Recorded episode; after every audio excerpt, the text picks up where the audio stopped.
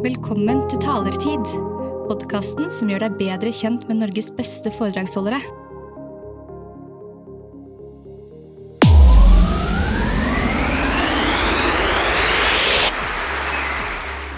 Wow. Bjørne Bjørnsen, du har fortalt meg at du er en person som liksom liker å strekke deg langt for å nå målene dine. Fortell litt om hva du har gjort hittil i livet, og hva det betyr i praksis. Hva det betyr i praksis? Det betyr vel at uh, jeg begynte jo, hva skal jeg si, unge voksenlivet mitt med å spille basket og ta mastergrad i USA. Så det var liksom sånn mål, komme seg på college og leve den drømmen der. Drikke øl og spille basket og leve det American Pie-livet med litt idrett på sida. Så det er sånn den type starten. Um, men så gikk jo, må man jo finne ut hva man skal bruke livet sitt på. Og jeg tenkte umiddelbart at CV det er det viktigste. Den må skinne som, uh, så bra som bare det. Så jeg søkte type sånn UD, konsulent og forskjellige, um, og forskjellige typer karriereveier. Og valgte å bli strategikonsulent, for jeg tenkte at den veien, da kan jeg lære mye, det er mye prestisje. Og der kan man virkelig få Det er liksom raketten til, uh, til å få god lønn og ja, mye ansvar i livet, da. Hvor gammel var du da? Det var, når jeg begynte der, var jeg 23, vel, da. Ja. Det året. Eh, så ganske ung. Eh, og heiv meg på og jobba Ja, det var, ikke noe, det var ikke, på en måte ikke noe brems i det yrket der, så enten så er du med, eller så er du ut. Litt sånn satt på spissen. Og du var med? Jeg var med så lenge jeg kunne. Um, og det er sånn som en hverdag ville se ut for min del, var det er opp klokka seks. eh, trente til maraton i den tiden, det var jo viktig. Jeg tenkte sånn stereotypisk. I Norge så er man jo opplever en del som syns det er veldig artig å gå på omtrent på ski til jobb og sykle hjem igjen og så svømme til hytta. Det er liksom, det er der vi er, så jeg prøvde jo å være i hvert fall litt sånn. Eh, så jeg husker vi var på prosjekt, og da var det opp og løpe tidlig om morgenen, sette seg ned, spise litt frokost, og så jobbe 12-13 timer, og så ha en treningsøkt en middag innimellom, og det er dagen. Hvordan hadde du det i den perioden? Uh, veldig mye stress. Um, det, det var spennende lenge nok, så du flyter litt på den der litt sånn nyforelska, og livet er gøy, og du får smake litt på vin på Alex Sushi, og ting er liksom stas, og nå feirer vi, og det koster 10 000 kroner, og Altså, det var veldig sånn, litt sånn wow-faktor i starten. Og så etter hvert så har du tatt nok taxier og flydd litt, og bodd på en Choice-hotell eh, nok netter, og så blir det litt sånn eh, ikke så spennende. Klarer, liksom, jeg klarte ikke å engasjere meg i jobben mer. Jeg mista litt sånn prestasjonsnivå, stressnivået gikk opp. Jeg, det vanligvis så klarte jeg satt jeg på i helgene og leste i tillegg til å jobbe i uka. Satt og liksom leste hvordan bli bedre i Excel, eller ja, strategibøker, eller kommunikasjon. Du var sånn skikkelig sånn achiever som hele tiden ville strekke deg og lære og utvikle deg og nå nye mål? Ja, ja, så jeg ga meg liksom Ja, det var liksom alltid noe på nytt. Liksom mamma sa liksom det er aldri, liksom, du er aldri nok, det er aldri slutt. Det er liksom det er, Hvor kom dette fra? Ehm, Jeg tror jeg, jeg vet ikke, jeg driver sånn der Jeg har vært litt sånn Freud med meg selv. Jeg vet ikke om Freud sine modeller er så relevant lenger, men, uh, men sånn barndomsmessig så har jeg opplevelsen min at mamma og pappa sjelden var fornøyd med inntektsnivå eller hvor mye de hadde. Selv om de hadde tilstrekkelig med hus og bil og kunne gjøre, dra på ferie. Det var ikke noe fattigdom. Men de var alltid litt sånn, det var ikke nok for de, da, så mulig jeg bare internaliserte det som en litt sånn faen, da skal jeg få det til. Så Og hva skjedde etter hvert etter du har vært i det hamster... Det hørtes litt hamsterhjul. Hva skjedde etter hvert? jeg begynte å bli sliten, så da måtte jeg over på koffein og nikotin for å liksom få holde trykket. Eh, Det var ikke en sånn veldig bærekraftig ressurs for min del, så det, det varte ikke så lenge den Første gang jeg tok snus, så husker jeg at da trodde jeg kunne fra nå av så kunne jeg jobbe dagen lang. Følte at jeg var høy og kunne bare fly gjennom Excel-arket, men den avtok ganske fort. Det som skjedde da, var jo at jeg begynte med å bytte jobb, en annen konsulentjobb som var litt roligere, men, eh, men det, det var liksom litt som å bare pynte på, det var liksom ikke det jeg hadde lyst til å bruke livet mitt på. Eh, men klarte ikke helt og turte ikke helt å innse at jeg kanskje hadde klatra opp et fjell, måtte ned igjen og begynne på en, et annet fjell, da, egentlig. Og det er en tung eh, ting å innse, da. Så da begynte stress, og jeg fikk kyssesyken jula 2014. Og så um, begynte liksom etter det, kom liksom kroppen seg ikke helt. Det blei, jeg vet ikke hva det har med kyssesyken å gjøre, men det var liksom startpunktet. Var det en slags advarsel, tror du, fra kroppen din? Ja, hvis du har liksom vært oppe i to døgn med sov et par timer, og så drikke Red Bull og snus de siste 48 timene, og så for å fullføre prosjektet ditt før jul, da, sånn siste stunt, og så blir du dritsyk i en måneds tid, og så bare etter det var det bare ikke noe mer å hente, altså. Og da sa kroppen eh, Da var det på 50% og så følte jeg aldri kom over 50 igjen. Og da var det begynt å snakke med leger og psykologer, og fikk en 50% sykemelding, vel, som etter hvert ble en 100 Og Og så måtte jeg rett, så fant jeg ut at ok, jeg har snakka med psykologer og leger, de sier det er ikke noe galt med meg, tar alle blodprøvene. Det var ingen som kobla helt sånn stress, mental tilstand med den fysiske helsa på det tidspunktet. Ellers så klarte jeg ikke å høre det, mulig jeg var så sta og vrang uansett. Um, jeg hadde ikke så mye sånn, hva skal jeg si, hadde ikke mye innsikt i meg selv, vil jeg si, sånn annet enn trodde jeg var en maskin som bare trengte mat og vann og ja.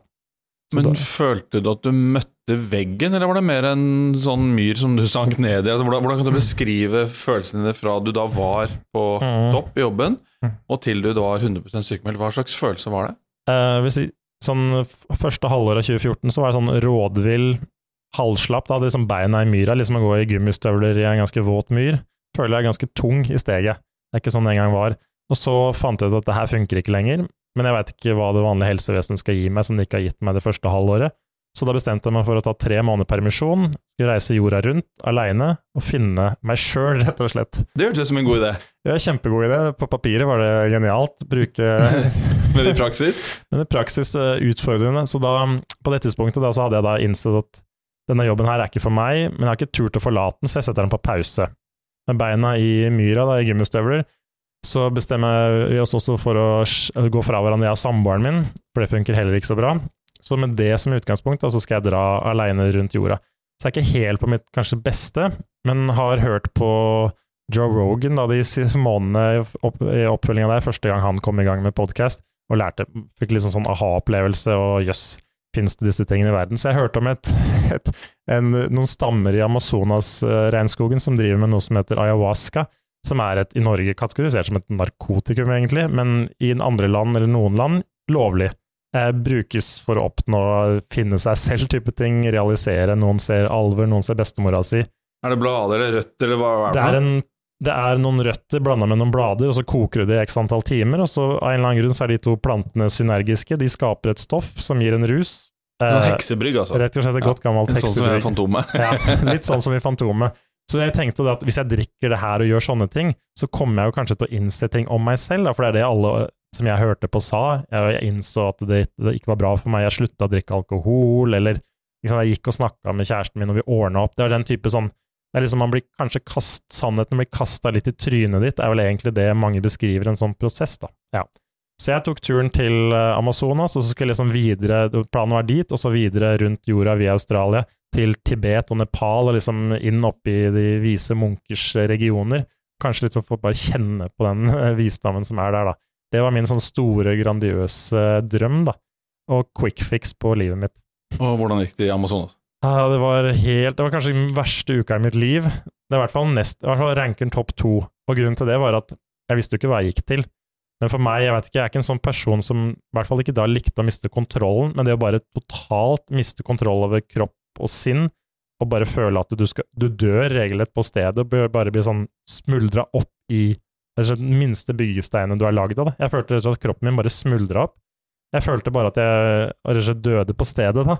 Jeg fikk litt sånn panikkfølelse, rett og slett, og blei Måtte kle meg eh, Måtte kle av meg og gå i dusjen, fordi kaldt vann er jo en sånn måte å få folk litt ut av den verste, for jeg satt bare og skreik og hoia. Men hvem var du sammen med da du tok denne, dette brygget? Eh, så på det, det er type sånn, ofte sånne retreat-sentre du finner Hvis du googler en i Aftenposten, eller så finner du sånne historier av enten sånne lege advarer nordmenn for å dra til jungelen, eller det finnes sånne artikler, da, eller mange nordmenn ser, eller flere ser utenom til andre land eller sånt, for å finne seg selv, eller realisere seg, eller et eller annet sånt.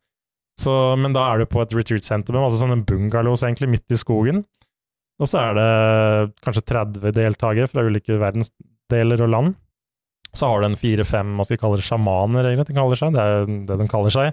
Og så koker de opp den suppa her, da, og så går du fram og tar en shot, og så setter du deg ned, og så venter du 30 minutter. Det omtrent, hvis du skal ha norske termer, så er det omtrent som å gå i skogen og spise en par håndfull fleinsopp, da, og så se hva som skjer. Litt sånn, da. Mer eller mindre. Så, mm, men da sitter du der med 30 andre på, som bare legger deg ut på noe, et stort sånn et rom med matter, da, så sitter du bare og venter, og så treffer eh, kulen deg da, sånn 30-60 minutter etterpå, og etter det så er det Noen har euforia, de, kanskje de innser noe de ikke har gjort, for de føler seg glade. Andre, som i mitt tilfelle, skriker av redsel for å miste kontrollen over kropp og sinn. Eh, føle at man dør, og bare Og da var en måte å få deg liksom litt ut av den kaotiske skriketilstanden, var jo kaldt vann, dusj. Og etter det så roa det seg litt. Men så hadde jo fem sånne runder i løpet av en uke, og én hadde vært nok for min del. Men du takket ja til runde to selv etter runde én? Ja, ja. Det høres jo kanskje ikke så lurt ut. Nei, men det er jo min dumme ånd, da, som jeg lever etter. Så er det jo sånn Jeg gir meg jo ikke. Jeg skal liksom skal jo fullføre dette her. Men da du da endelig kom hjem igjen etter denne Mm. reisen din, ja. hva lærte du da? Hva, hva tenkte du da? Det jeg tenkte, jeg trodde jeg skulle få svaret på livet mitt, og det var liksom bare et svar jeg bare ikke hadde klart å grave fram i hodet mitt. Um, jeg fikk jo ikke det, men det jeg følte jeg fikk, det var en sånn sterkere formening og følelse av at det jeg gjorde, ikke var riktig, og at jeg hadde tatt meg selv til det punktet her selv, da. Det var jeg som hadde satt meg i den posisjonen her, ingen andre, og jeg måtte få meg ut av det. Og det var på en måte en sannhet jeg ikke helt klarte å forholde meg til, for det var ikke noe quick fix. Det var å jobbe med seg selv, selvledelse egentlig, sånn gjennom en periode, da som ikke hadde innsett, og nå så jeg det, men nå kjente jeg enda mer på den frykten og angsten for hva jeg gjorde. Det føltes ikke ut som det var bra for meg lenger, da. Det var den følelsen jeg satt igjen med. Og da når du tenker at ting er måtte, Hvis du ikke liker det, pluss at du legger på dette er, er nok kanskje ikke bra for meg, så får du en litt sånn dobbel stresseffekt, da. Både mindsettet og den faktiske aktiviteten. Uh, og da Nå begynte jeg å møte veggen, nå begynner vi å snakke, for nå er liksom sånn uh, Nå blei den følelsen av myra gummistøvlene før sommeren ganske forsterka. Og kvelden før jeg skulle tilbake igjen i konsulentjobben igjen, for jeg hadde ikke sagt opp den, da var det litt sånn Da fikk jeg mitt første panikkanfall, angst, og bare Shit, jeg satt hjemme i stolen. Og hvis du, hvis du har hatt et panikkanfall, så vet du hvor jævlig det er. Men hvis du ikke har hatt det, så er det litt sånn For min del, da, så var det um, bare pulsen bare slår litt sånn ukontrollert. Du bare havner i en sånn tankeloop. Bare adrenalin løper løpsk. Hyperventilerer. Ligger omtrent og bare skjelver av adrenalin, da. Og jeg holdt på sånn i flere timer og trodde omtrent jeg skulle dø. Det er første opplevelsen. Du blir litt sånn ut av deg kroppen-opplevelse. Det er bare sånn ekstremstress, og kroppen Ja, det er bare føles som en faresituasjon i høygir, da. Eh, så jeg bare satt meg, ringte en venn, og så satt jeg meg i dusjen noen timer. Og satt der til bare distraherte hjernen så godt jeg kunne. Og dagen etter det, eller den kvelden, så bestemte jeg meg for at jeg måtte bare begynne å si fra at jeg kanskje ikke hadde det så bra. Rett og slett. Og hvem sa du det til? Eh, da tusla jeg ned på kontoret, og så sa jeg til HR-sjef og de at jeg faktisk trenger hjelp, og noen må sitte her med meg, og så må noen komme og hente meg hjemme, mamma eller broren min, og så må de være med, må de følge meg hjem dit. Hvordan ble du møtt da du sa det? Eh, med veldig stor forståelse. De var veldig, veldig omtenksomme og veldig, veldig hyggelige, så det var en kjempefin eh, Det var en veldig fin ting, og veldig sånn lettelse. Så det var et veldig fint møte, så det er veldig stor pris på.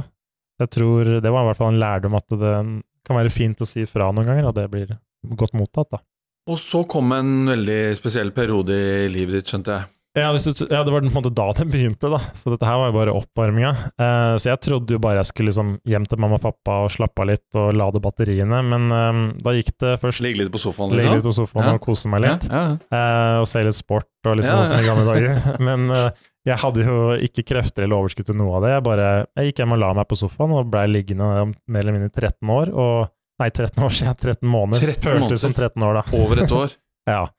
Ehm, på det verste så var det pleiepasient som var eh, status, med en ME-diagnose som jeg fikk, da, og det var der blir du vaska i senga, mata, og rullestolen må brukes for å transportere. Så kroppen fysisk eh, faller omtrent sammen? Eh, min kropp av stress reglet bare kollapset. Altså, jeg hadde hjernetåke og så mye hodesmerte. Jeg hadde kronisk hodepine i fire år, og det bare var så vondt at eh, Og på det tidspunktet, så er jeg grader av det, men på det tidspunktet så vondt at jeg kunne nest, altså jeg kunne ikke lese eller forholde meg til livet. Jeg snakka med mennesker kanskje 15 minutter om dagen på det verste, og lå bekmørkt og stirra i taket, og i påvente at familien skulle finne på noen flere tiltak, da. Um, Orker man å tenke noe særlig konstruktive tanker i en sånn tilstand? Jeg husker nesten ikke hva jeg tenkte. Jeg bare husker at jeg grein ofte når folk kom hjem og dro, fordi jeg skulle ønske at jeg kunne gjøre noe annet enn å ligge her. Um, det eneste andre konstruktive var at jeg alltid prøvde å komme opp med en ny plan sammen med familien. Det var sånn Ok, vi prøver det her kosttilskuddet. Vi drar til den her eksperten. Ok, vi har prøvd alle ekspertene og legene. La oss prøve den her healeren. La oss Mm. prøve den her. Du prøver alt, da. Sånn absolutt alt. Så jeg brukte sikkert en halv mil på det her, og alle sparepengene mine. Så jeg hadde jo ikke noe utgift Altså, jeg hadde leid ut leiligheten og sånn, og bare lå hjemme og bare kaster alle penga på å bli frisk. Det er jo sånn- det er jo nesten ut som du kommer ned i sånn babystadiet. Hjem til mor og far og bli stelt. Ja, ja. Altså ligge i seng. Det er jo nett tilbake til ettårsstadiet. så, Men, men hvordan klarte du liksom. Nå hører vi at du er en normal mann. Jeg ser en normal mann foran meg som snakker på en vanlig måte. mm. Hvordan klarte du å finne tilbake til det vanlige livet igjen? Det var eh, etter skal jeg si, 13 måneder med prøving og feiling og alt fra det mystiske til det konvensjonelle av, av medisin, så, så kom jeg over Det var en annen Vi kom over via søskenbarnet mitt, en mann som hadde ligget i lignende situasjon, har vært i et mørkt rom i noen år, og hadde vært på et kurs. Så han hadde vært på et kurs som lærte bort kognitive teknikker, da, som heter Lightning Process i det tilfellet her, som var um, et kurs som var kjent, og det er veldig omdiskutert, men det er en lang debatt. Men eh, i hva skal jeg si, ME-diagnosemiljøet så er dette veldig omdiskutert, men noen har glede av det, andre har ikke. Og så er ikke det min, min jobb å vurdere hva som passer for hvem. Men for meg så funka det nok til at jeg lærte på tre dager noen verktøy for å skjønne at stress har en veldig stor påvirkning på fysisk og psykisk helse. Den, det er, hvis du lever i adrenalin, så har du mulighet til å stenge ned ganske mange vitale funksjoner. Eh, som, fordi ja, stress kronisk over tid er ikke bra for kroppen. Um, så jeg lærte det, og så lærte jeg noen verktøy for hvordan jeg kan begynne å styre trafikken litt andre veier i hjernen min. Begynne å komme litt bort fra stress, at det er det automatiserte. Jeg levde liksom, Motorveien min var stress i hjernen, det var der all trafikken gikk, og så hadde jeg gjengrodde stier med for glede og ro og sånne ting, så jeg måtte trene. Hjernen din er veldig fleksibel og trenbar, men du må vite litt hvordan du skal lære deg å trene den og styre trafikken i riktig retning. Så det lærte jeg der, og det var begynnelsen på en da følte jeg meg etter det kurset som jeg var sånn 50 tilbake. Jeg kunne returnere til hverdagen, jeg flytta til Oslo igjen. Jeg begynte å liksom, bare trene og henge med venner og bare gjøre vanlige ting. Og så fra der av så gikk det tre år til før jeg var i arbeidslivet, og de tre årene fylte jeg med nå skal jeg bare lære det jeg kan, og snu på hver eneste stein, og finne ut hva skal til for å leve et lykkelig liv, og ha det bra, kunne returnere til arbeidslivet, og så skape det livet jeg ville ha, da, som jeg aldri hadde fått, da. Du nevnte venner. Det mange opplever i sånne situasjoner, det er jo at de gamle vennene eller vennene de forsvinner av ulike grunner. Det kan man jo også forstå. Ikke sant? Man forsvinner ut av syn og ut av sinn. og og i hvert fall når du var i den tilstanden det var.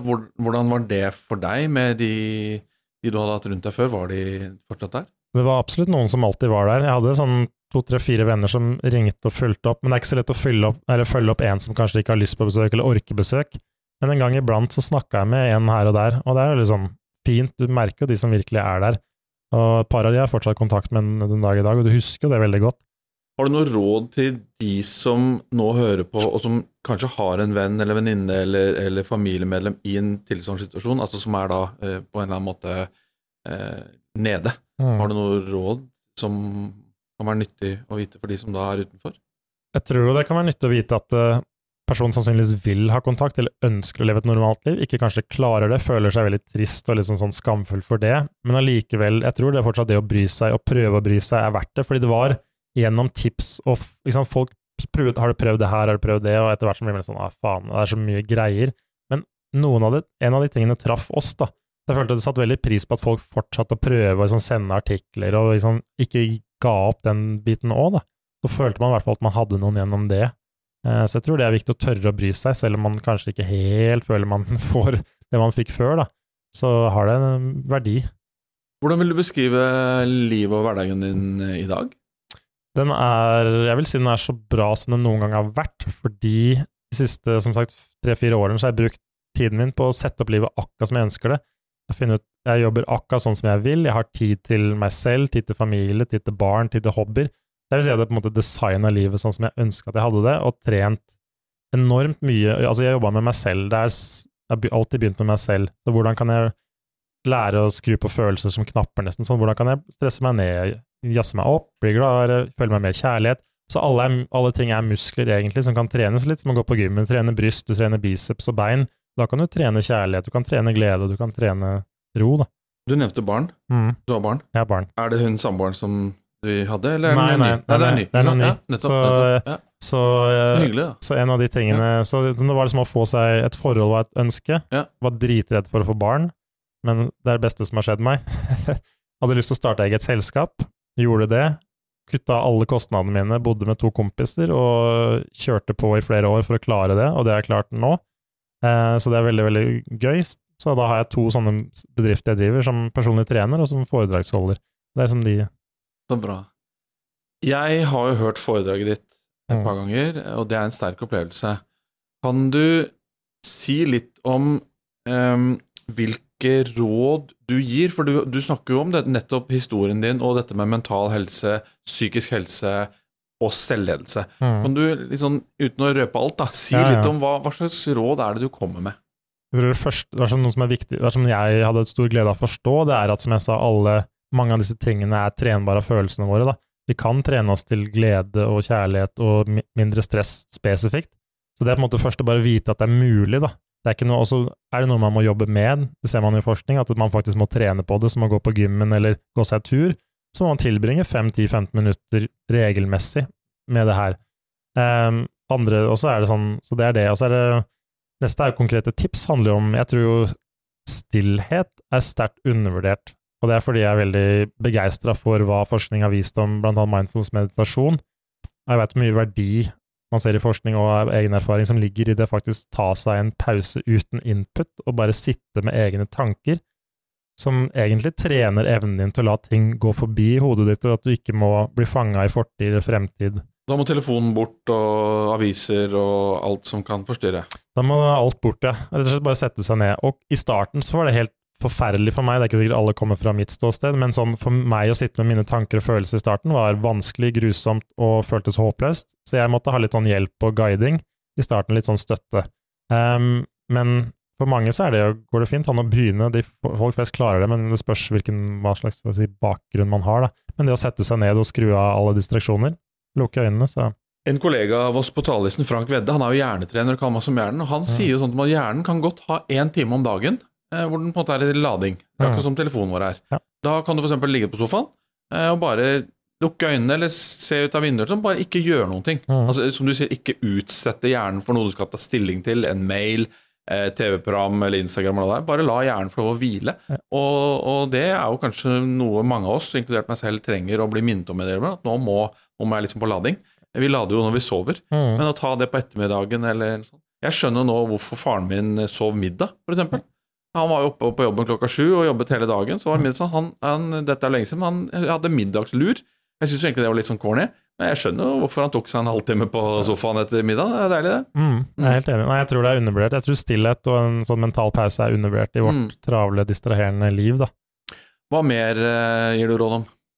Jeg gir råd om at eh, vi kan gjøre mye for å styrke våre relasjoner til andre og oss selv, spesielt omtanke for oss selv og andre. Jeg tror det og liksom kjærlighet og vennlighet til fremmede og nære og kjære, egentlig. For jeg tror Jeg vet ikke om man har tenkt at man kan trene seg til å bli bedre på det. Eh, og jeg, er- oppvokst litt sånn som kanskje andre menn. Man, I hvert fall i forskning så ser man at menn gjerne sånn stenger ned eller blir sinte hvis de reagerer, på en måte sånn. Og så, så det er sånn type ting jeg har måttet jobbe mye med. Og da har type øvelser fra meditasjon hjulpet meg til å Bare det, en, en enkel øvelse, da. Gå rundt i verden, stille i sitt eget hode, se på fremmede mennesker og ønske de en fin dag, for eksempel. Ja. Bare repetere. altså sånn, Du kan jo prøve å gjøre det motsatte, gå rundt og se, se på mennesker og si at 'jeg hater deg', og gjøre det en time om dagen, så ser jeg forskjellen. da. Sånn satt på spissen, da. Men vi, jo veld, vi dømmer jo veldig mye når vi ser mennesker, eller både venner og kjente. Vi sier sånn 'hva er det for noe sko du har på deg, så tjukk du er, så slang' Altså sånn, Det er mye av den dialog, da. Så Mm. det å endre dialogen internt, pluss det å faktisk øve på Det gjør noe med oss, da. Og det er bare et en veldig enkelt eksempel på noe man kan begynne med. da. Jeg har vel også lest at mennesker som bruker mye tid og ressurser på å være rause med andre, lever lenger. Fordi de får en egen glede av det å være til hjelp. At det er faktisk eh, å hjelpe andre hjelper deg selv. Ja, den, den egoistiske grunnen til å, å øve på medfølelse, at du blir, altså medfølelse og glede går veldig hånd i hånd i, i deg selv, da. Så du blir definitivt gladere av det. Den er Så stillhet og meditasjon, relasjoner til andre, positive tanker om andre, Ja. eh, er det mer? eh, takknemlighet. Eh, veldig, veldig Og den er ganske fascinerende med takknemlighet, og gjort på en viss måte hvis man praktiserer takknemlighet, sånn som bare ser for seg en situasjon hvor noen har mottatt hjelp, for eksempel, da. Hvis man bare sånn, ja, et eksempel man kommer over i hverdagen på en film eller i hverdagen, bare se for seg det at noen mottar hjelp og er takknemlig for det og blir glad for det.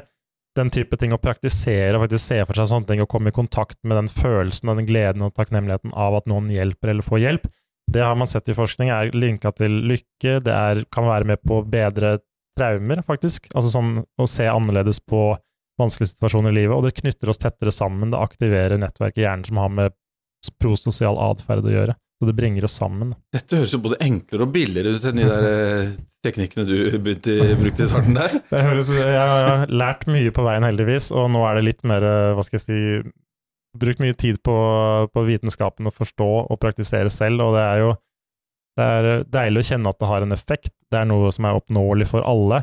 Jeg føler fortsatt at det er undervurdert og underkommunisert at det kan at jeg, Så det er litt som jeg sammenligner litt med som var det I 2001 så slo jeg vel opp at 19 eller noe sånt trente styrke, da et eller annet sånt tall, og i 20 år seinere er vi på ca. 50% eller noe, sånn, hvis jeg husker tallene mine riktig.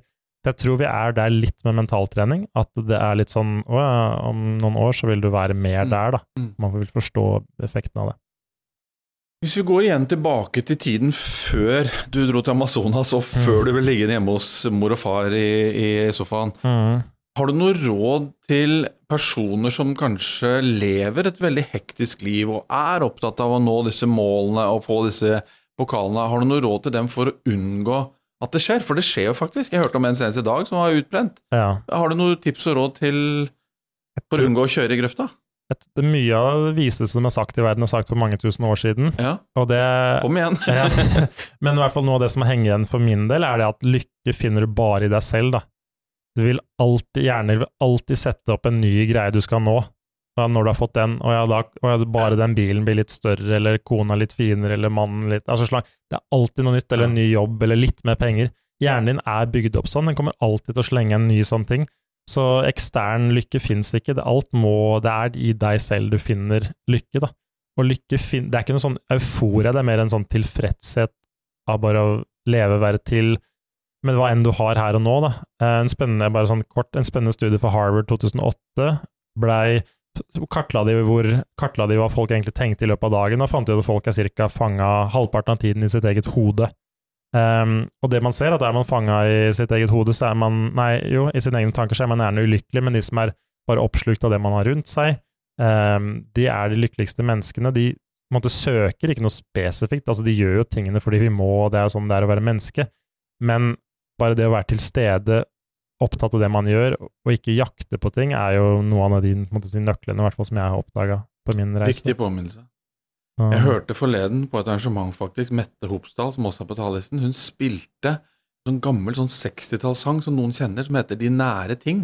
Som Mm. liksom gikk på radioen da jeg var liten. Mm. Det er en gammel sånn norsk klassiker. Kan du sjekke teksten? Ja. Men poenget i den teksten er jo nettopp Altså, du skal ikke vandre liksom hvileløst i ring, du lærer deg å elske de nære ting. Mm. Det høres ut sånn Ja, det er litt sånn bestemorsklisjé, men det er jo egentlig det du sier, at vær fornøyd med den brødskiva med syltetøy der, den utsikten du har fra stuevinduet ditt, den katten som ligger på trappen i sola, eh, kos deg med løvet som faller på vei til jobben, kos med hunden. Altså, det er liksom de nære ting. Det Det- høres litt klisjé men det er jo faktisk mye sant i det. Det er så enkelt at det er bare å prøve. Det er jo Du, blir jo, du, du merker jo selv at det alltid er et nytt mål i Ja. hodet ditt, så det er ikke der Men kom du noen gang til Tibet? Fordi i Tibet er du jo opptatt av de tingene du sier nå. Uh, Jeg kom aldri dit. Jeg, fikk, jeg ble så reisesyk og gikk ned 11 kilo, så i Australia så måtte jeg kaste inn håndkle og fly hjem.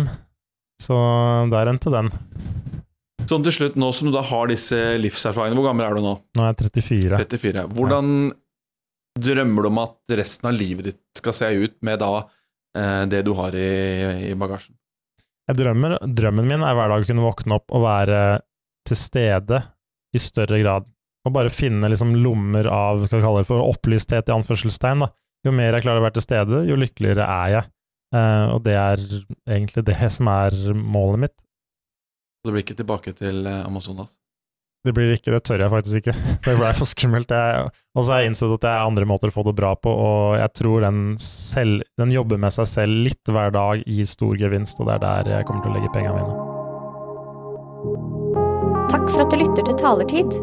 Du kan lese mer om denne episodens gjest på talelisten.no. Har du spørsmål eller ønske om en gjest vi bør snakke med? Send en e-post til nils at talelisten.no. Talertid. Bak scenen med Norges beste foredragsholdere.